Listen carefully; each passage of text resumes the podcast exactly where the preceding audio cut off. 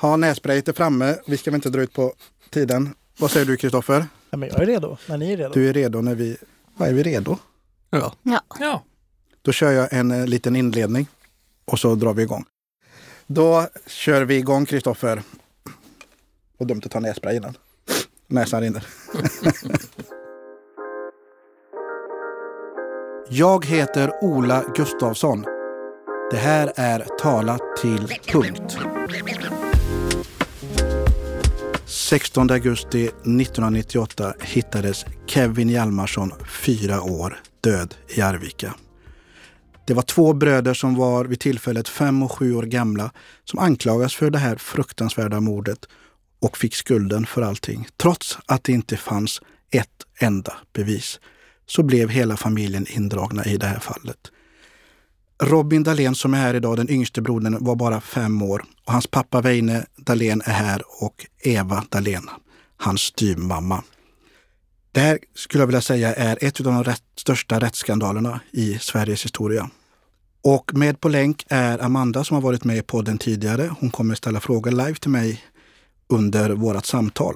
Jag vill tacka dig så mycket för att du är med idag här Amanda. Och jag kan säga att eh, Amanda kommer att göra podden ihop med mig så att den kommer fortfarande heta Tala till punkt. Men nu i fortsättningen från och med detta avsnittet så blir det Ola och Amanda Tala till punkt. Hur, hur började allting Robin? Vad har du för minnen från den dagen? Du var inte så gammal då. Nej, alltså just från den dagen så det är väl att vi hade, vi hade besök av en annan familj och drog iväg och fiska och så fick man eh, talat till sig sen då att det hade hänt något hemskt med Kevin. Och för, fått förklarat ja, med att han var en han var en fågel i himlen då. Man, när man var så liten så kunde man väl inte riktigt sätta sig in i vad det betydde. Men eh, man fattade som att han var borta liksom. Ja, något mer än så från just den dagen kommer man väl inte riktigt ihåg. Hur gammal var du? Fem. Det var ju din bror också, Christian. Mm, han var sju. Och Eva, du är ju styv mamma till, till Robin och Christian. Ja. Vad minns du från den dagen? Nej, jag minns ungefär som, som Robin här, att vi hade folk hemma hos oss då, som hade varit vittne till vårt bröllop. Så vi bjöd hem dem och hela deras familj då. Så vi satt och åt mat och så hade gjort trevligt och sen skulle vi ut och fiska då, på kvällen där. Var en lugn dag och pojke, ja, var ute och, och lekte som vanligt och sådär. Är det som att man minns det som igår? Ja, det är det. Att tiden liksom stannar? Ja, det gör det. Jag ser allt framför mig. Jag förstår det. Ja. Och, och vad är pappa till pojkarna? Vad, vad har du för minnen från den dagen? ja, det är samma här. Vi eh, fick eh, familjen till oss då på, vi åt mat och sånt så åkte vi ut och fiskade sen då. Det är samma som Robin och Eva säger här. Så.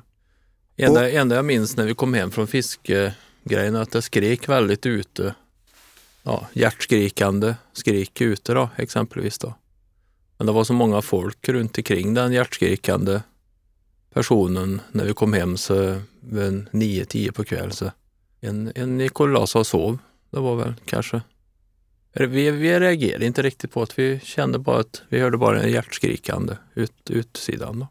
Vem var det som hittade Kevin? Och vad jag förstår så är det morfar till Kevin som fann den då.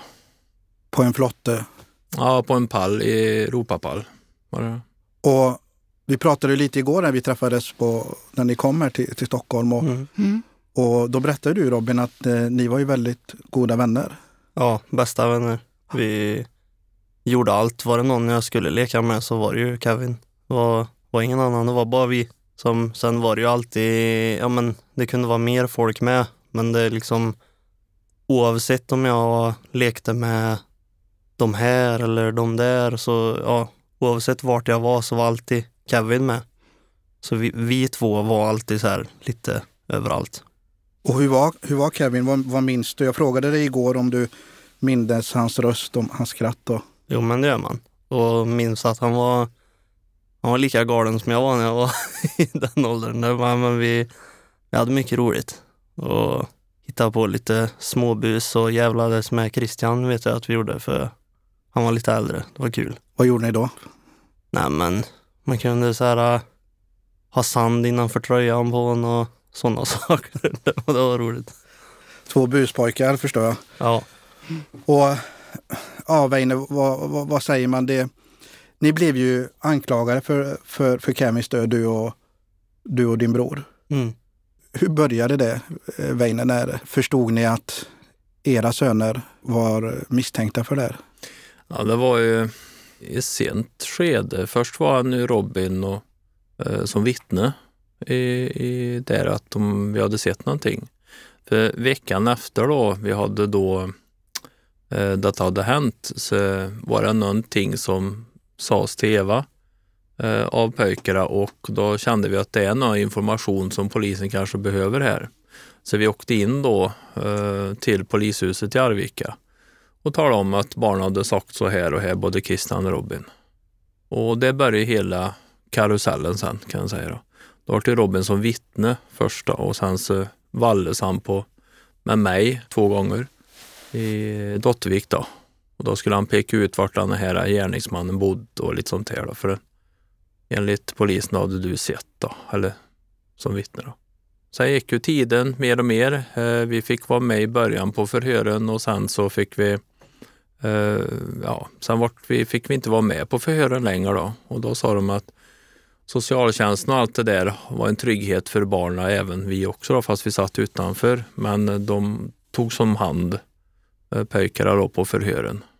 Som vi ser tillbaka idag att det var inte så då, men Nej, för att detta är enligt mig, min personliga åsikt, ett av de största övergreppen i, i, i svensk rättshistoria. Det ni har varit utsatta för som familj och det du har varit utsatt för Robin.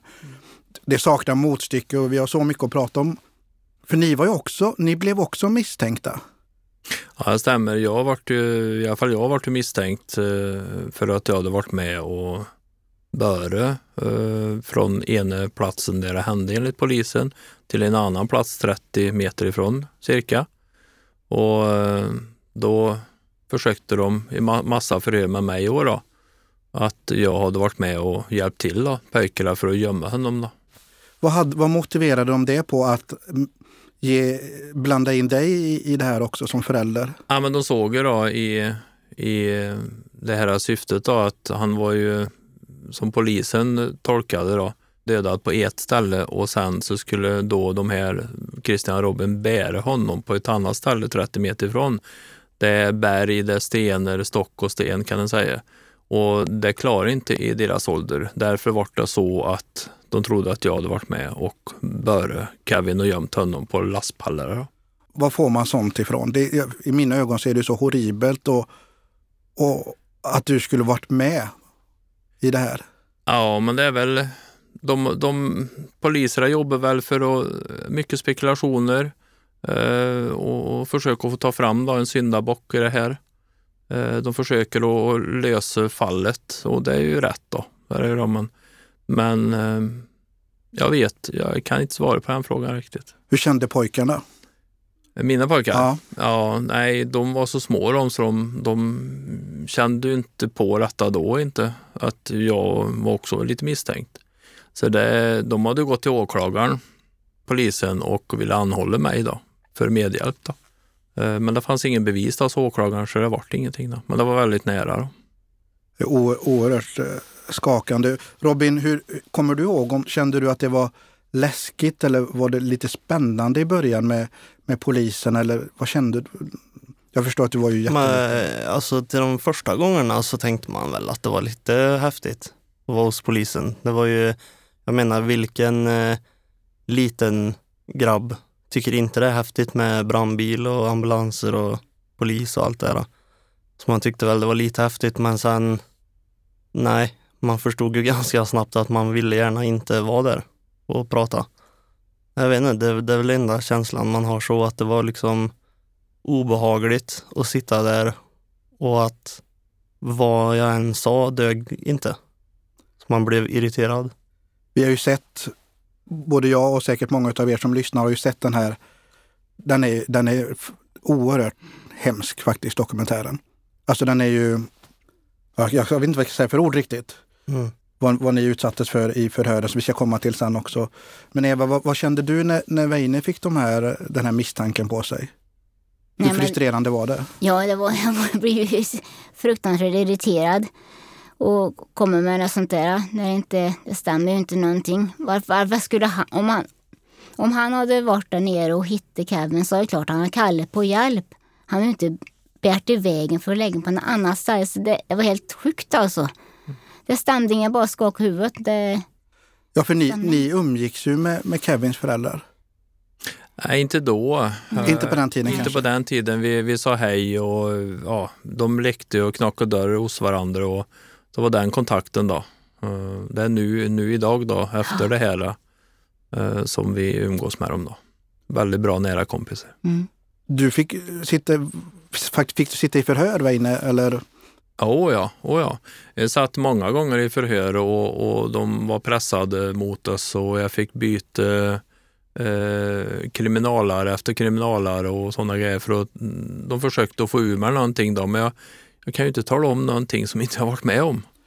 Så det, det, det var väldigt stressande, stressad situation var det. Det förstår jag. Och när förhören började, visste folk runt omkring att du var misstänkt? Det vet jag inte. Det, det känner jag inte till i så fall. Det var, men det var inga hot eller? Ingenting sånt. Inget sånt. Ingenting sånt där. enda vi pratade då, runt i där vi bodde då, så träffade vi lite folk på, det var ju bara prat om detta. Och då var ju med i dessa samtal lite på, ja, som gruppering i, i Dottervik då, där det hände. Uh, så vi pratade med dem de jag kände mest, då, kompisar och sådana grejer. Och Robin, var ju du och din bror. Hur, hur mycket fick ni umgås under, under den här tiden? Hölls ni åtskilda eller fick ni leka? Ni var ju barn. Mm, till en början så var vi ju ihop hela tiden. Det var sen i senare skede, liksom mot när de hade bestämt sig att det var vi, oavsett vad de hade för bevisning och sånt. Det var väl då som de liksom började sära på oss att vi skulle till varsin fosterfamilj och sånt var ju tanken. Men det gick inte för att det var ingen som ville ha oss när de visste vilka vi var. Då blev det ju bestämt att jag skulle vara hos pappa och Christian hos mamma. Och skulle jag till mamma så var tvungen Christian att åka till pappa. Vi fick inte vara på samma ställe. Jag tänker på en sak du nämner när du säger precis som du sa, att de hade bestämt sig för att det var er. Mm. Och det är så jag känner och det, det är så vi har pratat om lite tidigare. Att det känns ju som det här var förutbestämt. Mm. Att de skulle lägga skulden på er oavsett vad som... För ja, det fanns vi... ju inga bevis. Nej precis, det fanns inga bevis. Vi hade alibi och vi hade bevis på att vi inte hade kunnat varit på platsen vid det tillfället. Och ändå så, så tar man två barn och, och, och ger skulden för det här. Och ja. även en, en, pappa. Men det här med fosterfamilj, ja. Weine, hur, hur, eh, vad fick ni för information om det? Hade ni någonting att säga till om? Nej, till att börja med hade vi ingenting att säga till om. Vi skulle bara eh, hjälp, vara med och hjälpa till och föra dem till fosterhem.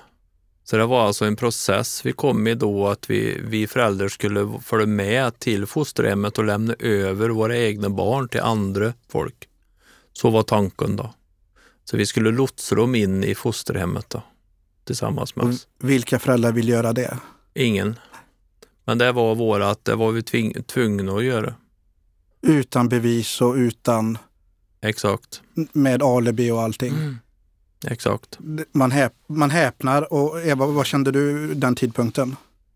Nej, det var fruktansvärt. Och liksom, allt liksom försvann. En fattig försvann. Så det, de hade inte gjort det.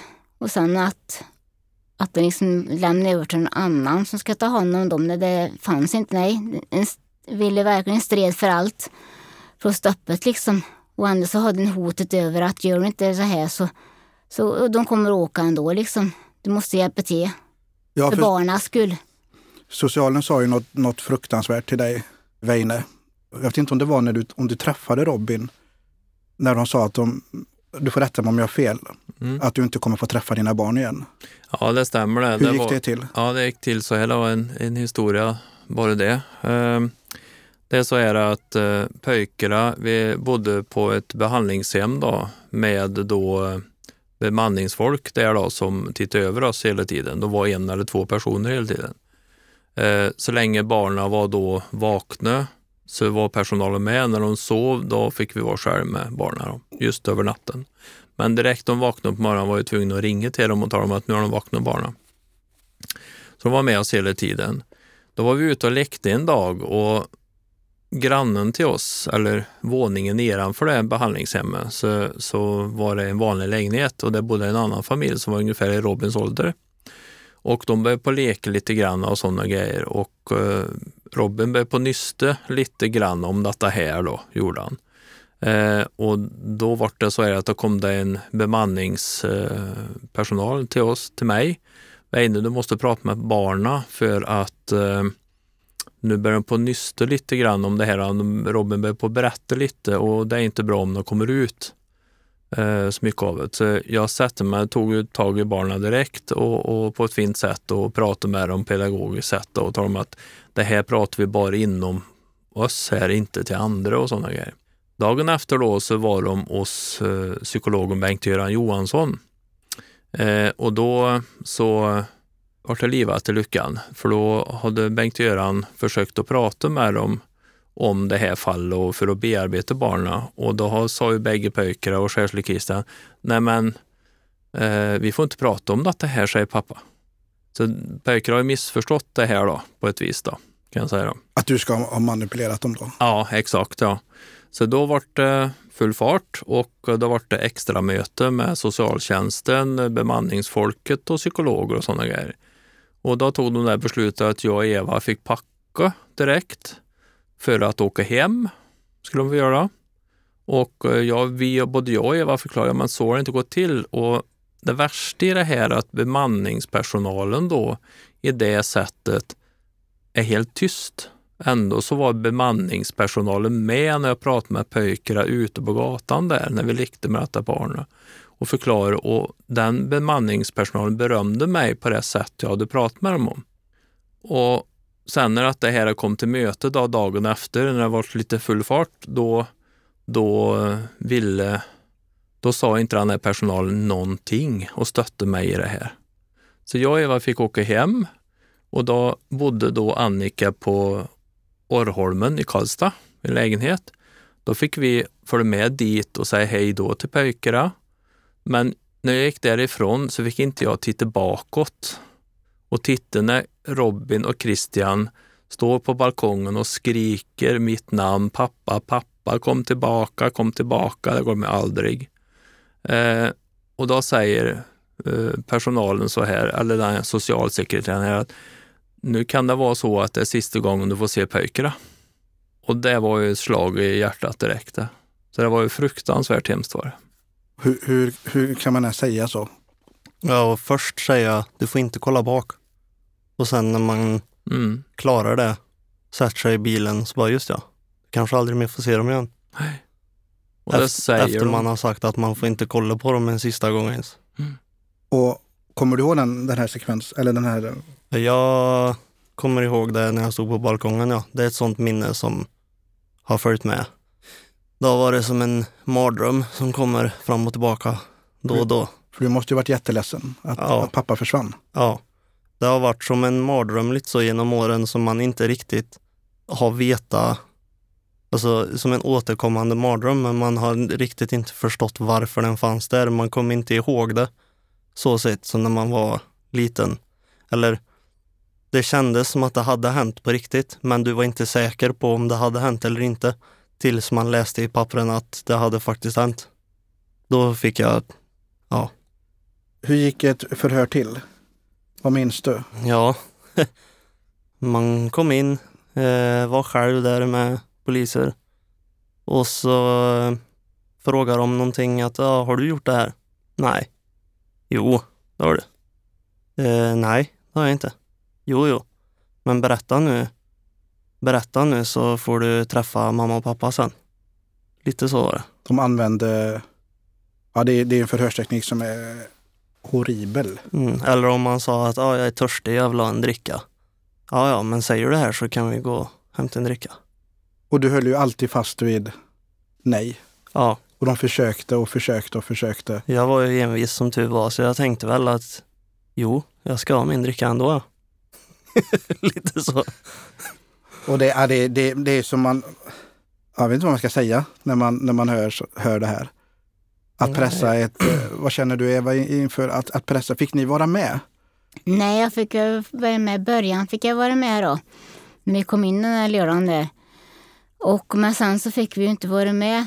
För det var precis som Weine sa, att ja, men socialen är där och barnpsykologen är där och vi stoppar ifall det blir för jobbigt så där, för dem.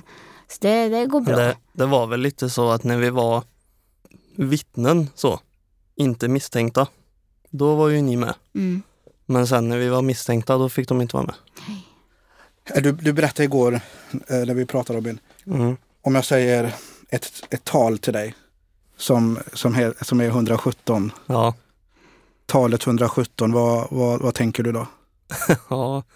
De frågade mig vad jag hade gjort mot Kevins hals eh, 117 gånger på ett förhör utan paus. Och det var också sån här insyn man fick i sig själv när man gick igenom allt material. För mina föräldrar, kompisar och sånt hade påstått att jag kunde reagera väldigt starkt med upprepade frågor och sånt.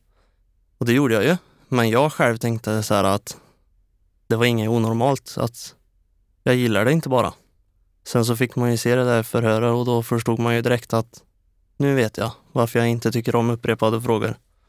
Men ändå imponerad av mig själv som liten att jag höll mig i 117 svar. Det, det är helt otroligt. 117 gånger Mm. frågade de dig och du sa 117 nej. Ja. Och det var inte tillräckligt. Nej. Nej, vad ska man säga? Ja. Vad tänker du då när, när, när du när du förstått hur, hur, vilket övergrepp det är? Ja, Fasansfullt. det, nej, när det sjönk in vad man egentligen hade varit med om så det kom lite som en chock. Och hur det kunde vara så dåligt gjort, eller vad ska man säga? Man, man blev lite, som jag sa igår, man blev lite irriterad, besviken på ett sätt att man var så jäkla insatt i att nu ska det komma till punkt. Eh, oavsett, man, man hade ju den tanken från början att oavs, alltså vi går igenom allt oavsett om det är jag eller inte. Jag vill bara komma till punkt och få veta vad som har hänt. Och när- man väl fick det så blev det så här att va? Var det så här löjligt? Tänkte du någon dåligt? gång att jag säger ja för att få slut på det? Det hade ju inte varit konstigt att ett barn hade till slut för att få stopp på det. Nej, alltså. Jag, kom, jag, jag, stönig. ja, jag, jag kommer inte ihåg eh, om då, liksom från då, om jag tänkte att ja, men jag säger bara vad de vill och så slipper jag det här. Jag vet inte om jag tänkte så någon gång. Men man blev imponerad nu som äldre när man såg sig som liten att jag inte gjorde. Otroligt för det vi har sett i dokumentären och hur du, du vill ju bara därifrån. Ja. Men ändå att jag har den här att rätt ska vara rätt. Ja, det är helt fantastiskt. Redan då.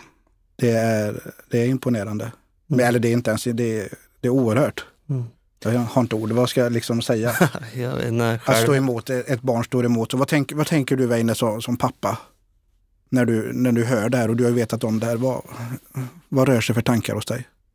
Ja, det rör sig mycket bitterhet i mig. Det rör hur, hur en vuxen person kan utsätta en femåring på det här sättet. Eh, 117 gånger på ett förhör. Vad gjorde du med Kevins hals? Nej, jag gjorde ingenting. Jo, oh, vad gjorde du nu på Kevins hals? Så gick det till hela det förhöret nästan. Då måste ju en vuxen människa börja tänka till där. Vad, vad håller jag på med egentligen? Här skulle egentligen också, om inte annat, socialmyndigheten som var med på förhören bröms in och stoppa de här grymma tortyriska förhören som både Robin och Christian haft och andra barn i detta sammanhang och för det var inte bara vi som var förhörda. Det var mycket andra mer familjer som var förhörda i, i Arvika då. Och det är ju rena tortyrliknande sätt de håller på med, polisen där tycker jag. Exakt, och det som du säger, tortyr är, är det ordet jag inte fann förut. Inte ens massmördare eller fångar i Sverige idag blir utsatta för det som, som ni var utsatta för. I, i, Det var, det var olagliga förhör för vuxna som de gjorde mot barn. Mm. Och det är fel personer som har varit på... De här personerna anser jag inte ska, ska ha det här jobbet de har. De har ju varit, de har ju misskött sig det grövsta. Och vad fick, det hände ingenting med dem som utsatte er alla för det här eller?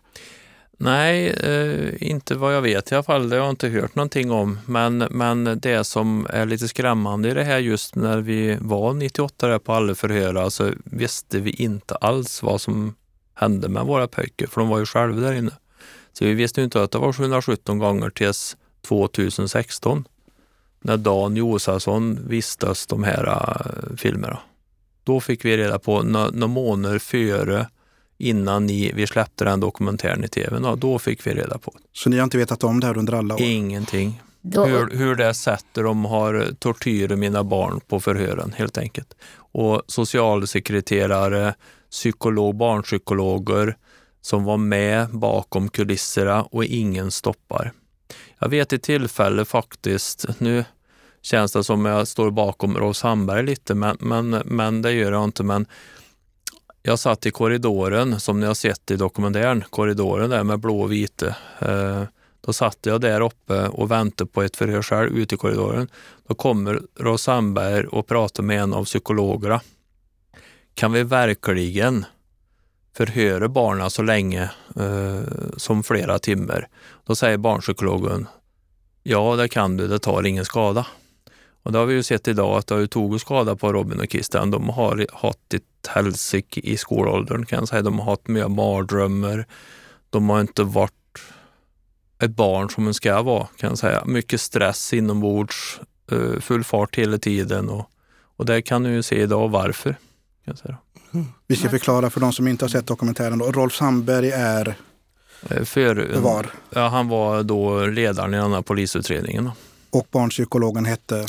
Eh, värmländska barnpsykologen heter Bengt-Göran Johansson och sen har vi då professorn i, härifrån Stockholm, då, Sven-Åke Kristiansson. Vi kanske inte ska nämna dem för mycket tycker jag. Nej, det ska vi inte. De ska inte ha så mycket utrymme. Nej. Robin, blir du vallad på platsen där Kevin hittades? Eh, ja, det blev jag. Och skulle förklara hur det hade gått till då. Så jag vet inte, fantasin flödar väl där för mig som femåring att jag måste förklara ett scenario som de blir nöjda med. Men det, det är ingen sån här direkt minne man har från då heller. Det var bara, jo, jag har minne från en, en vallning. Men det var inte från platsen. Det var, jag hade sagt någon namn, Robert eller något sånt där i ett förhör, vem det var som hade gjort det. Så skulle jag vallas vart den bodde då. Då kommer jag ihåg och vi gick runt och runt och runt och de frågade att ja men är det här nu snart? Och så sa jag ja men här är det. Och så kollade de upp att det fanns ju ingen där som heter Robert. Då kommer jag ihåg att de blev ganska arga på mig. Att vad håller du på med? Du ljuger. Lite mer så. Det, det kommer jag ihåg. Men själva vallningen på plats, det var väl det man såg nu att jag vet inte, det var som farsan var inne på förut att jag tänker ju de banorna att om, om jag gör någonting personligen så strävar man all, alltid efter att göra det bättre. Så man reflekterar ju vad man har gjort. Så när man ser på vallningarna så tänker man att det är så oproffsigt på ett sätt. Hur kan man inte se tillbaka på det och tänka det här var inte bra? Hur kan man vara nöjd? Ja, lite sånt tänker man där. Men de försökte ju, när du berättade om förhören tidigare, de försökte ju muta dig mm. till att erkänna sak, en, sak, en så pass allvarlig sak som du inte har gjort. Genom att du får det här om du, du får det här om du gör så här. Mm. Det är ju det är, det är mut, de försöker muta ett, ett litet barn. Ja. Med monsterdricka, för det var väldigt populärt som ni älskar. Ja, det var ja. Någon, någon blå ja. monsterdricka. Mm. Så blev man blå i hela mun. Just det. Det var, var coolt. Och när jag ser den nu så mår jag dåligt. Ja, det förstår jag. Mm. Den finns fortfarande kvar men... Vi köper den aldrig. Nej, det nej, förstår jag. Den, den, nej, men den finns och den... Mm. Då, då tänker jag tillbaka på det här. Mm. Att de var jättenöjda. och måste dricka jättegott. Hur, hur mycket ilska bor i dig, Eva? Ja, det är frustration och ilska, ja det finns kvar. Det kommer alltid finnas. Så jag känner mig väldigt besviken. Vad är det mest som, som gör dig är det hur vuxna människor har på så makabert sätt misskött sitt yrke? Eller, eller vad är det som ger det mest? Ja, jag känner mig lurad ju jag. Med det här med förhören med pojkarna. att de var så trygga som de var, så var de inte när jag fick se de här filmerna. Jag var så arg och ledsen. Och jag är fortfarande, men jag, vissa människor, när jag ser dem på stan så jag hälsar på dem med stolt huvud, men det är inget mer sån heller. Jag tänkte att du ska inte få knäcka mig. Det ska du inte få göra. För det är ju så att det är inte bara du och, och, och Christian Robin som har varit utsatta för ett övergrepp, utan det är hela familjen. Mm. Det är även ni vuxna. Det är ju, vad ska man säga till det? Jag kanske inte ska lägga värdering om det är lika mycket eller inte, men men, Nej, det, men det... Eh, mina egna tankar där går lite så här, som du sa, att jag har gått igenom det en gång, känns det som, på ett sätt. För att den nya utredningen, när man var vuxen och kunde gå igenom allt själv, det var liksom, ja, jag har gått igenom det en gång. Och sen visst, jag har gått igenom det två gånger, men en gång som jag verkligen minns. Medans alla föräldrar gick igenom det två gånger, som de minns. Som, ja, ska man säga. Det, jag vet inte hur det känns för dem, för alla föräldrar, riktigt så. Men för mig känns det som att de har haft det jobbigare. Man fick ju inte vara förälder. Man hade hela tiden någon bredvid sig som kollade allt, allt, allt vad du gjorde. Och då tänkte man, gör jag så här rätt, rätt nu? Om jag säger så här, vad tänker de nu då? Och allt det här. Det är det som jag känner. Den pressen mm. ni som vuxna då hade på er. Ja. Och du berättade igår Väinö, att de satt så nära det när du pratade med, med barnen. Ja, när jag skulle, exempel om man ska säga till barnen exempel lite smått på skarpen för de har gjort fel och det ska jag nu berätta då om de har gjort fel. Eh, då skulle vi göra på ett visst sätt vad de tyckte vi skulle göra. Då skulle vi sätta oss ner med pojkarna och så prata med dem. Och då satt ju personalen väldigt nära oss, mitt emellan kan man säga, mig och barna. Så när jag pratade så stirrade han rakt i ögat på mig och när pojkarna svarade mig, då stirrade, eh, stirrade personalen rakt i ögat på pojkarna. Hela tiden så de följde blicken, nu gjorde du utvärdering och allt sånt där. Eh, så det var jobbigt, jättejobbigt. När pojkarna skulle in på toaletten och vi fick följa med, då skulle också en personal följa med på toaletten för att se att vi gör rätt där. Så.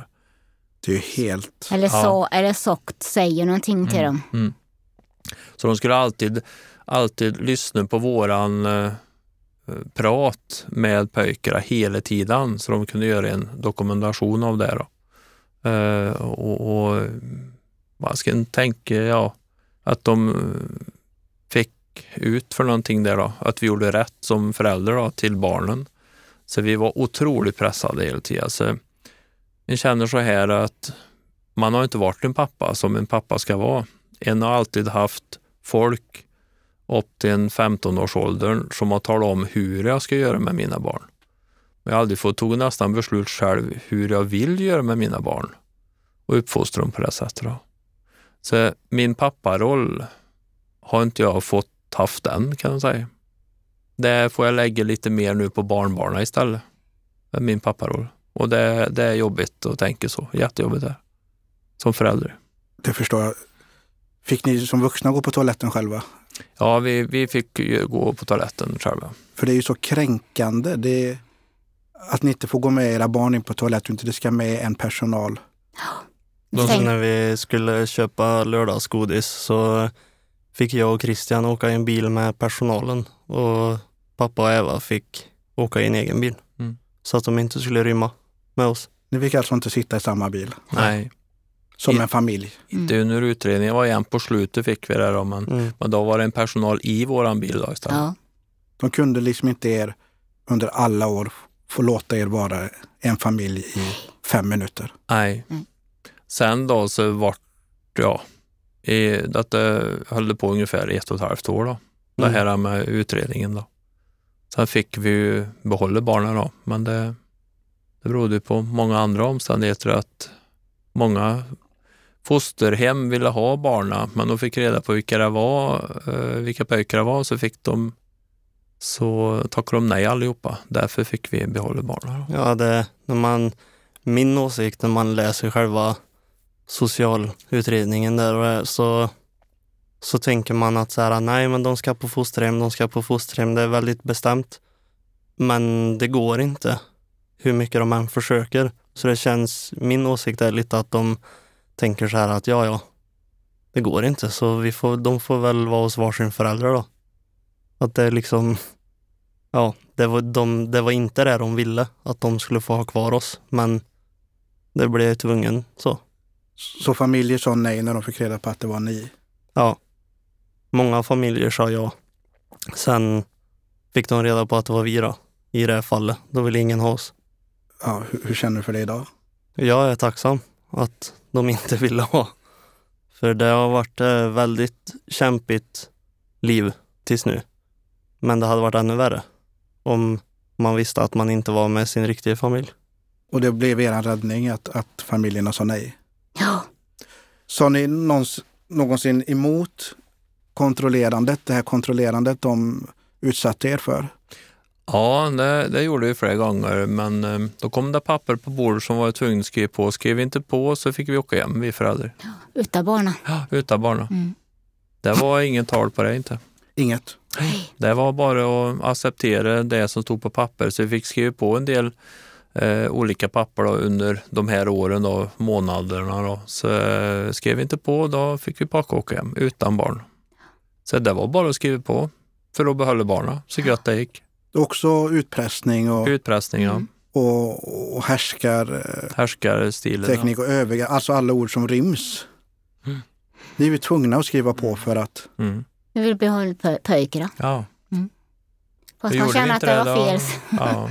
Eh, Vi fick ju i så fall åka hem utan barn om vi inte skrev på de papperna och, och gick efter den här eh, stegen som de kallas lite grann. Då, eh, hur vi skulle fortsätta några månader till och se hur vi fungerar som föräldrar mot barn och barnen till oss till föräldrar och allt sånt där. Hur, hur en familj fungerar och allt sånt där.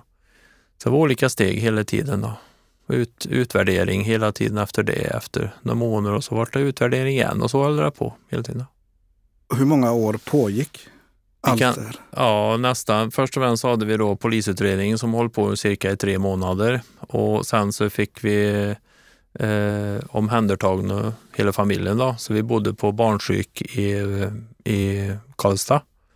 Och eh, där bodde vi då fem, sex månader på barnpsyk utan knappt vi fick gå ut. Det är lång Eh, tid. Ja, jättelång tid, så vi var instängda där kan jag säga eh, med personal och sen då så fick vi behandlingshem på Förödningshöjd sen då med personal runt omkring oss på dagtid när barnen var vakna. Och detta håller på med polisutredning ungefär ett och ett halvt år instängd kan man säga hela tiden. Fanns det någon som tog ert parti, eran, valde eran sida? I, av de som jobbade runt omkring er? Det kan jag inte säga, men jag fick lite tendens på det. Ja. De höll ju med oss eh, vissa saker, men jag har alltid haft den här baktanken, det är någonting som inte stämmer. Och direkt jag nämnde det, jag tror inte, det känns som inte det är mina barn som har gjort det här. Upp, upp, upp, upp. Nu tänker du dig för då, ungefär. Eh, nu får du faktiskt kanske åka hem och grunna på det, för det är faktiskt dina barn som har gjort det här. Det var det de sa? Ja, ja, direkt. Så det, var, det var bara att trampa ett steg tillbaka och bara acceptera att de har gjort det just då och så får en tänkte att det ger sig själv, sa jag till Eva, att vi får ta det sen. Hur, kunde ni, hur kunde ni behärska er som vuxna? Jag vet inte, vi var mitt dit. Jag, jag, kan, jag kommer nog aldrig kunna svara på det. Det är många som frågar hur kan ni behärska, hur kan ni stå på benen idag och alltihopa vad ni har gått igenom. Och jag sa att vi är mitt dit och det var bara försök att rädda barnen så gott det gick. Det, det är ju så. Det är ju så. Ska jag också säga att eh, charkbrickan är tillbaka i Tala till punkt här och ni är så blyga och, och, försynta här. Jag sitter här med tre väldigt eh, artiga och, och fina människor, men det är bara att ta för er. Jag tar lite choklad. Ja, Ja, vi har lite choklad från Ejes också och den traditionella charkbrickan är tillbaka, så var inte, var inte blyga nu. Det blir en lång dag det här. Men blev du vallad Weine på, på platsen? Nej, jag kan inte säga att jag varit vallad, men jag hade en liten eh, biltur med polisen. Och ehm, då hämtade de mig. Och då var det en chaufför, polis från Stockholm. Och så var det Ros Sandberg satt bak, så jag satte mig bak hos Rosa Sandberg. Det började med ett trevligt samtal, jättebra. Så jag åkte runt, så åkte vi till ett ställe som heter Dottervikspiren, där vi har till, ja, det är lite, en liten bit ifrån Eh, det, där det hände. Då. Och den resan glömmer jag aldrig. När vi stannade bilen sen, den var trevlig först, men när vi stannade bilen sen, då, bara vände det på handen på något vis. Och en såg det, Rolf Sandberg på, på höjer rösten och sådana grejer. Och tvinga mig att erkänna vad som har hänt och alltihopa. Jag vet att du har varit med och du ska förklara det här nu och, nu och då. Tänk på barna. Du kan få lindrigare straff och sådana grejer eh, om, om du berättar nu. Och då tänkte jag, vad håller du på med? Jag kan inte berätta någonting som inte jag vet. Så det, det hände även mot er? Ja. Ja. Det var inte bara Robin och Christian som utsattes för allt det, utan ni också. Och detta, detta är en, en biltur som var riktigt tortyrliknande. Eh, aldrig varit med om maken faktiskt.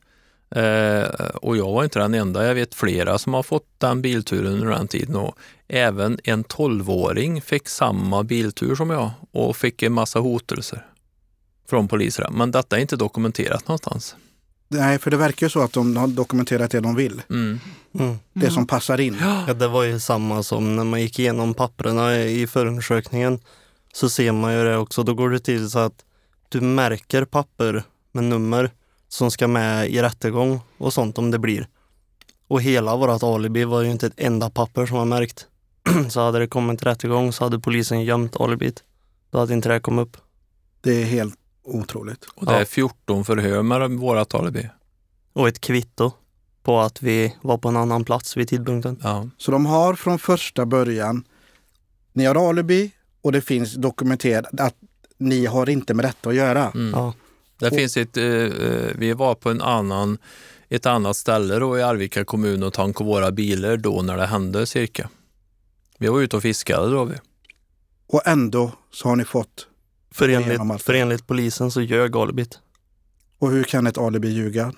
Det håller ju alla andra sammanhang. Mm. De pressar ju eh, den familjen som var hos oss. De pressar ju den familjen och deras barn försökte få deras barn att säga att ja men Christian och Robin, de smet väl iväg en stund. Det måste de ha gjort. Men eh, deras barn sa att nej, nej. De var med oss hela tiden. Men det trodde de inte på. Så en, två familjer som varit ute och fiskat Mm. och kan intyga det här. Och ändå, Mm. Pappan i den familjen sa ju att nej, nej, uh, ungarna satt i min bil. Eh, och vi var här och tankade då och visade kvitto, gjorde han. Vid tidpunkten. Och det var samma när jag kom in som vittne. Och så frågar de, ja Robin, vad, vad har hänt med Kevin? Och då säger jag, nej men han, han har dött. Han är död. Och vad, vad, liksom, vad hände med Kevin? Varför dog han? Något sånt frågar de. Och då säger jag, han fick en kniv i magen. Det vet ju de att det inte stämmer. just det, det kommer jag ihåg. Det hade de kunnat sagt, okej, tack för att du kom. Och så var det klart. Men nej. Nej, fem år Mm. gammal och man ska fästa sån vikt på vad en femåring säger. Du hade lika väl kunnat säga att det står en, en, en rosa elefant på gatan. Ja, jag sa ju att eh, mördaren var ju ett mjölkpaket och det var jultomten och det var allt möjligt som hade gjort det.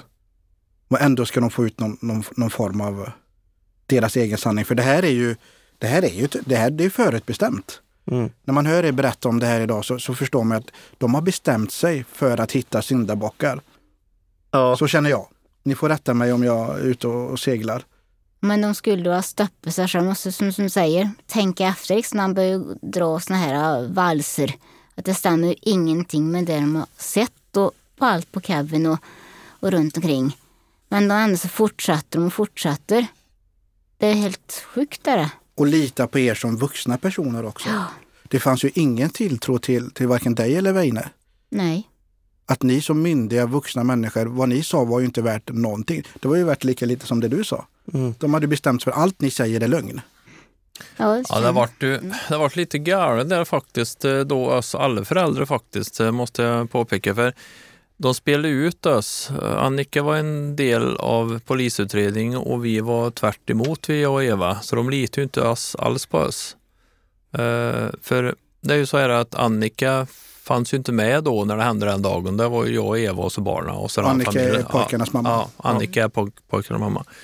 Och hon trodde att det var så att förlita sig på polisen och psykologer och alltihopa att ja, barnen här har gjort det då, eller barnen här är vittne från början och sådana här, så förlita sig på det.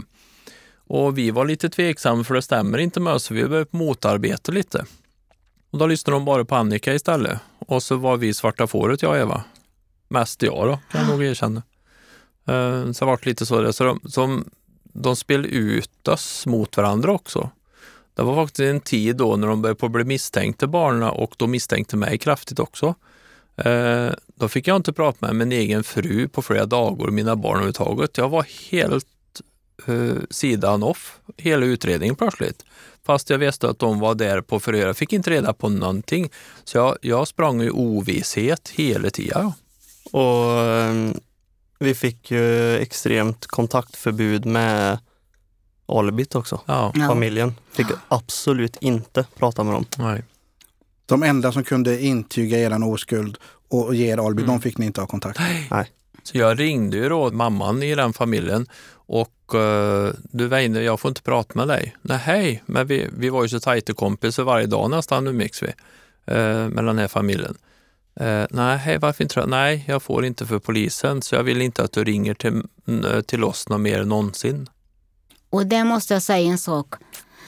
Att när utredningen, nej, nej, när Dan Josefsson drog igång det här med dokumentären, då fick vi reda på att de var våran alibi. Vi trodde att de motarbetade oss. Men de trodde på oss. De berättade hur allt hade gått till. Att de var med oss och att vi var och fiskade och allt det där. Det fick, det fick, vi reda då, på 2016. Ja, typ. Då fick vi reda på det.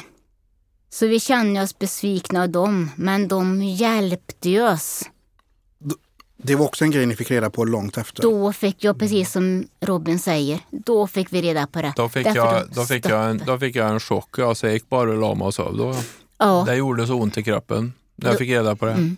Det var också en sån bara ilska inom mig, ledsen. Jag känner liksom, och inte haft, du kunde liksom ha haft kontakt med dem förut, i, tidigare. Men då känner jag att nej, det kan jag nog inte ha. Men de var vårt alibi. Och det, så, det är också undangömt. Det är helt, det ni berättade, det är helt. Så myndigheten förstörde vår relation där mm. kraftigt kan jag säga. Kan, kan ni umgås med familjen idag eller har ni någon kontakt? Vi har kontakt med dem idag, ja. Mm. Men vi ska inte prata för mycket om Annika och det är din mamma Robin, med all, all, all respekt. Men hon var ju inte heller närvarande när Kevin... Nej. Så varför var hennes ord mer värt än, än, än ert ord? Eh, min personliga så här, åsikt är, det är lite krångligt så. För det var ju så, vi bodde hos farsan. Morsan hade haft en kille som inte var så snäll. Så därför, det var en stor del varför hon inte ville ha oss hemma. Sen kom det här då och jag tror liksom hon mer fick förklarat från första början att dina pojkar har gjort det här. Eh, samarbeta eller eh, bli av med ungarna, typ. Tror jag hon fick förklarat ganska fort. Jag tror hon... Min gissning är liksom att hon bara la allting åt sidan då och bara, ja ja, skitsamma om det är de eller inte. Så jag tror hon bara gjorde allt för att inte bli av med oss. Det var ju så här att eh, vi sa ju då när vi kom in som vittne och det började komma en massa förhör då, som pojkarna och vi skulle in på plötsligt efter att det här då veckan efter vi åkte in när det hade hänt då, när vi åkte in till polisen. Det är nog den misstagaste mm. dagen jag gjort någon gång. Men i alla fall så, så sa vi, måste berätta för uh, mamman till barnen, Annika alltså. Och då sa polisen, nej, nej, nej, det gör vi, sa de då. Så ni får inte säga ett ord om det här. Det ska vara väldigt tystat. Så då la de uh, tystnadsplikt på oss. Vi fick skriva på ett papper, jag och Eva, att det var tystnadsplikt. Vi fick inte prata om detta här just om vårat förhör och sånt till någon, inte ens föräldrar våra. Fick inte prata med någon, så då fick vi skriva på en, en svensk tystnadspliktsgrej. Eh, det var någonting papper vi skrev på i alla fall. Så vi fick inte säga något till mamman heller. Sen var det så här att de kontaktade aldrig Annika. Hon fick se på löpsedel att jag och Robin var på en bild. Så hon sprang rakt och helt förtvivlad upp till polishuset. Vad är det som händer? Mitt barn är med på, i tidningen. Vad är det som händer? Och pappan? Spelar de ut er då? De spelar de ut, ja. Alltså de ringde aldrig till Annika, polisen, som de sa att de skulle göra. För det trodde vi då. Och då var det ju att hon var ju väldigt agg mot mig och Eva då samtidigt då, för då plötsligt spelade de ut då. Och det vet vi ju idag då. Mm. Kan säga att det var utspelning kan man säga då. Eller så har de glömt och plötsligt, oj då, vi glömde mamman också ungefär så. Det kändes så lite. Det och det, det kan jag förstå Annika att hon mådde jättedåligt av det. Det förstår jag absolut. Hur kände du för det Robin, att, att hon kanske trodde att det var ni som hade gjort det? Eller trodde hon trodde det innerst inne? Eller var det för att, som du säger, rädda er? Jag har ju pratat med henne nu liksom i efterhand och jag, jag tror inte så här, hon har liksom försökt finna sig i och acceptera liksom att jo men det är så. Bara för att ja, lättare att kunna gå vidare, inte ha det hängande över sig. Man bara, ja men nu har det hänt, eh, skitsamma, vi gör det bästa av det. Lite så tror jag tankarna har gått, men innerst inne så nej, då har hon alltid undrat så att nej. Nej men som, vad ska man säga, lite tvinga sig själv och tro att det har hänt för att det ska vara enklare att hantera. Och kan ju inte sätta ord på just den 16 augusti för hon var inte närvarande då. Så hon kan ju inte sätta ord på som jag och Eva kan göra. Men ändå, ändå så väger hennes ord tyngre än ert. Eh, Just i polisutredningen var det så ja. För hon, hon, det vart ju, vi motarbetade lite och sa ifrån det här stämmer inte, vi får inte ihop det. Och eh, hon, hon hade ju inget annat att tro på att ja men det är väl så att barnen har gjort det då. Så ska jag tänka mig att hon, och då var det ju att det var lättare att samarbeta med hön- henne än oss som sa emot lite då. Fanns det någonting i utredningen som de gjorde bra? Det... Jag ser på er, eh, lyssnarna kan inte se det, men jag ser på er eh, Nej, eh, jag svaret där. kan verkligen inte komma på någonting på rak arm. Så, Ja, men, jag- eh, Jag kan säga så här, de gjorde väl så gött de kunde med den kompetensen de har bakom sig. Som visar sig vara väldigt låg, Ja, ja. skulle jag säga. Mm. då är jag väldigt snäll när jag säger så. Ja, vi är snälla till en början här. Mm. Vad, fanns det någon annan misstänkt? Eller så är det som vi har sagt och, pratat om, det var förutbestämt. Vi hittar två, det här passar, de, ni passade in i mallen. Liksom. det, det fanns ju andra misstänkta. Eh, vad hette de? Eh, Marius och Mattias tror jag de sånt. Eh, de var ju huvudmisstänkta där ett tag. Också Och, bröder eller? eh, Nej. nej, Nej. Eh, men de var i 12-13 års åldern så Mm. de blev lite mer pressade. Så. Eh, men de höll på sig de med. Men väldigt, de hade väl också väldigt otrevliga förhör. Och om jag inte minns fel så var det väl de som blev bara helt upplockade i skolan utan de plockade upp barn i skolan i polisuniformer, liksom i polisbil, bara gick rätt in i skolan och i klassrummet. Här, ni ska med oss nu. Utan att kontakta föräldrar eller ingenting. Eh, nio barn tog de då. Ja, Det var en, Och bara åkte och hämtade? ja, Ja. det var en liten razzia på Dotterviksskolan då, så bara hämtade eh, 11, 12, 13-åringar. Sen var det ju Är det lagligt? Nej, Nej, nej. Sen, sen var det ju en kille som, eh, eh, ja de avlyssnar ju också det fick de ju faktiskt, ja vad säger man, fel för att de hade gjort. För de avlyssnar ju Marius och Mattias telefoner. Eh, Barns telefoner. ja, Mm. fick de inte. Eh, det fick de ju tjänstefel för. Nej, och sen så fanns det ju en, han var väl 12 eller 13 då. När han blev förhörd första gången, för de hade ju spärrat av då vid platsen där Kevin hittades. Och så hade han sagt någonting i form med att varför har ni inte spärrat av uppe vid boden? För Kevins kläder ligger ju där. Och det visste inte polisen. Och hittade då sandaler och sånt från Kevin där. Så det var ju helt ny information. Hur kunde han veta det? Och så vidare. Men han blev aldrig förhörd igen. Och samma kille var ju dömd för att ha begått sig på en väldigt liten i närliggande område. Och så vad var det, nio månader efter. efter så blev han ertappad igen, den personen. Och då var det väl en del folk som reagerade att ja men vad fan, den här killen två gånger i samma område, kan inte det här ha med Kevin-fall att göra? Och då hade väl Sandberg sagt att nej, det är avklarat. Nu, nu är inte detta Mattias och, Nej. och, och Nej, eh, Nej, utan Det är en annan en annan. det en helt Ja. annan person som... Ja. vi ja. inte nämner vid namn. Nej, exakt. Nej. Så det, det fanns alltså en person som har, har eh, förgripit sig på barn Ja.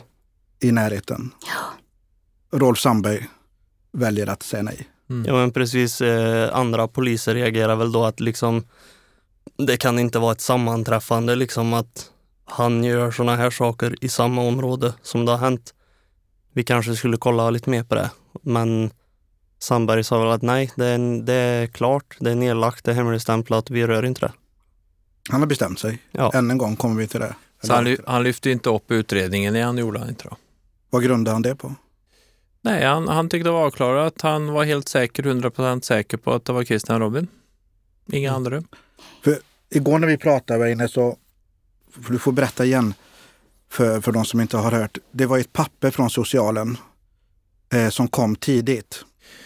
Det är så här att eh, den 14 oktober 98 då eh, knackade det på dörren hos eh, Eva och eh, Annika eh, och då omhändertog då eh, barna och Eva och Annika för jag låg då på, eller på vuxenpsyk för jag hade klappat ihop efter då jag varit, kan jag säga, utfryst från utredningen när jag inte fick prata med min fru eller mina barn eller någonting. Så jag hamnade på psykiatrin i flera över en månads tid. Eh, och då var det så här att, då har jag fått läsa de pappren nu efteråt. Och då står det så här att den 14 oktober eh, så har de gjort klart, socialförvaltningen tillsammans med myndigheter, att Robin och Christian har bragt eh, Kevin Hjalmarsson om livet. Och det vart ju väldigt chockande för mig för den andra november, tre veckor senare, så kommer ju polisen med sin uttalande att Christian och Robin har gjort det. Men socialförvaltningen då bestämde redan 14 oktober att pojkar har bragt eh, Kevin om livet. Då. Och hur kan socialen ha kännedom om det innan, innan polisens? Det vet jag inte, för då vet jag att det har varit väldigt stressigt för barnen och Eva och Annika. Det har varit väldigt mycket förhör där. Och det här har vi på papper faktiskt. Så det här är... Jag kan inte svara riktigt på den frågan för jag har inte riktigt facit i det här att eh, hur tänkte de här? Men jag har facit att det står på papper. Så socialen kommer med ett utlåtande innan polisens. Polisen var klar med sin utredning, ja. Att de har, de har redan bestämt sig, De har redan alltså bestämt innan sig. polisens utredning är klar. Ja, och det som är, tycker jag, väldigt falskt av dem att göra så här. De åker alltså till Annika och då Eva och knackar på dörren.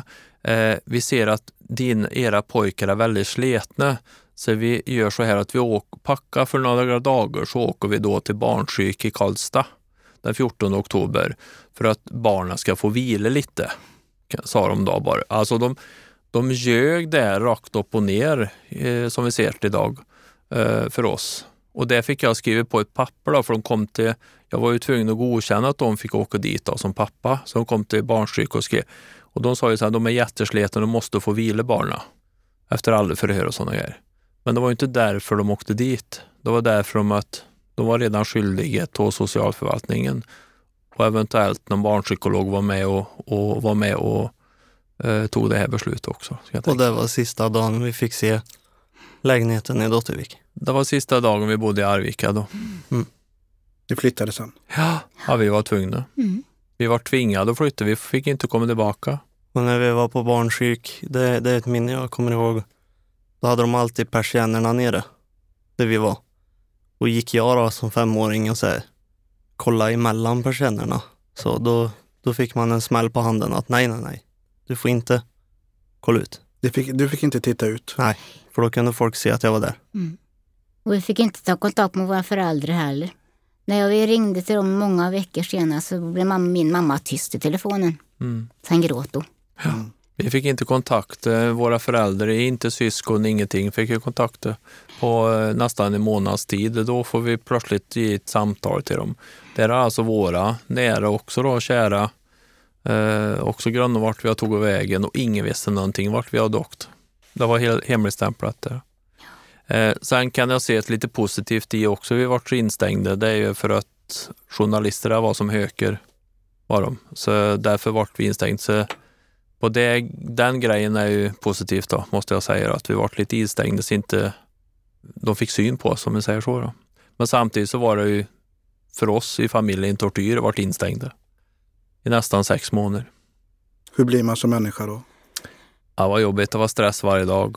Jättestress och samtidigt då, så redan då på barnsjuk där då direkt efter polisutredningen så, så var vi tvungna att visa redan då att vi var bra föräldrar. Så vi, vi gjorde oss till oss i början nästan och oj då, nu måste vi tänka så, måste, så, så vi får beröm. Men det fick vi nästan aldrig. Vi fick bara slag på fingrarna ungefär. Så det var jobbigt. Var jobbig tid. Så suttit, suttit i fängelse, det har vi gjort hela familjen kan jag säga. Ja, ni har ju fått ett, ett livstidsstraff i stort, alltså, kan, ja. man, kan man tycka, mångårigt mm. Fängelsestraff mer än vad många som har begått brott mm. fått. Och ni som lyssnar, det här kommer bli en, en liten serie med eh, mina gäster här idag så att ni får vänta en vecka till nästa avsnitt. Så ska vi ta en liten bensträckare och fortsätta vårt samtal. Ni har fått lyssna på ett av de mest eh, fasansfulla historier som jag har hört. Usch. Mm. Mm. Det blir jobbigt. Ja, jobbigt är när Väinö berättade när Robin står och skriker. Det ekar i hela. Ja, för, han skriker med sån smärta för, varenda gång. För mig är som jag sa, jag hade haft de mardrömmarna. Så för mig är det det, är det jobbigaste av allt i, hel, i hela utredningen. Mm. Allt som är. Han skriker efter benen vet du, och han klappar ihop han. Men sen så jag tänkte på det när, när du kommer där, du har varit borta en hel månad där. Och du vågar inte ens, visste inte hur pojkar ska reagera när han kom tillbaka. Och så var det glasdörrar så. Och så kommer han upp för trappan så gör han. Och så är vi innanför det är vi. Mm. Och där kommer vägen och så öppnar den dörren. Springer Robin. Mm. Fram till vägen och det gör Christian och så säger han det får aldrig mer försvinna. Det är jättejobbigt. Så vissa saker så är det, det är jättejobbigt liksom. Mm. Jag pojkar liksom missat. Och hur skulle vi göra om det varit så här att vi har mist Robin och Christian. Hur skulle vi ha blivit som människor då? Jag tror inte... Jag ser bara scenario och det, det kommer jag alltid att se i mitt liv. Tänk om de hamnar på fosterhem och så kommer det fram att de är frikända. Mm. Mm. Fruktansvärt. Det är ju fruktansvärt. Det.